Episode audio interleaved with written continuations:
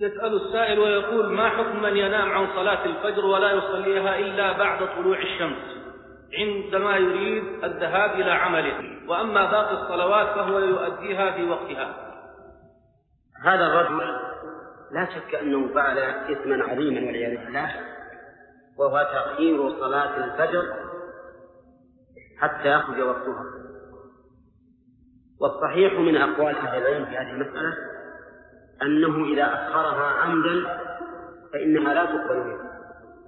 لو صلى مئة مرة ما قبلها الله منه. لا صلاة الفجر ولا الظهر ولا العصر ولا المغرب ولا العشاء. الصلوات عبادات مؤقتة من كذا إلى كذا.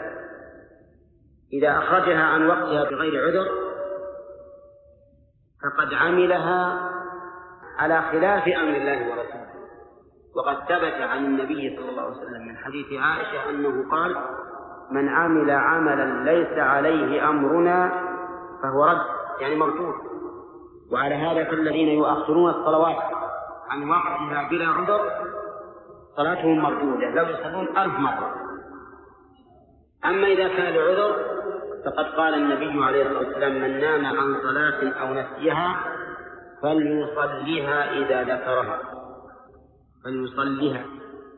إذا ذكرها